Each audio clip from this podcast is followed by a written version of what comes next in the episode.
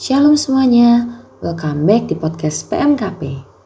Hari ini kita akan mengulik sedikit tentang pelayanan tubuh Kristus.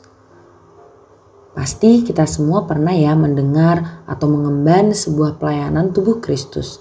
Dan tidak bisa dipungkiri, akan ada fase dalam pelayanan di mana kita merasa capek, jenuh, bosan, bahkan di setiap jenis pelayanan tidak jarang nih ditemukan konflik, masalah, perselisihan, atau yang lainnya.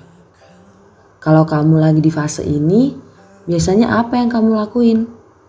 Apa kamu mencari pelarian ke jalan yang tidak benar? Atau kamu memendam dan menikmati sendiri semuanya? Hmm, sebagai anak Tuhan, jangan seperti itu ya teman-teman. Yuk kita belajar sama-sama dari firman-Nya Kolose 3 ayat 14. Beginilah bunyi firman Tuhan. Dan di atas semuanya itu, kenakanlah kasih sebagai pengikat yang mempersatukan dan menyempurnakan. Ayat ini bisa banget kita renungkan supaya kita bisa menerapkan kasih dalam pelayanan kita.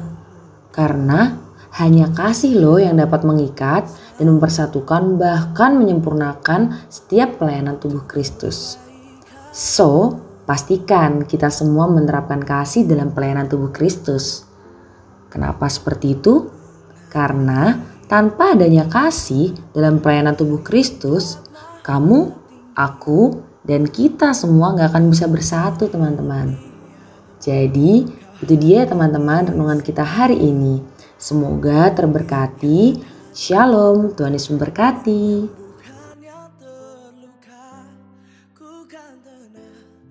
bersamamu.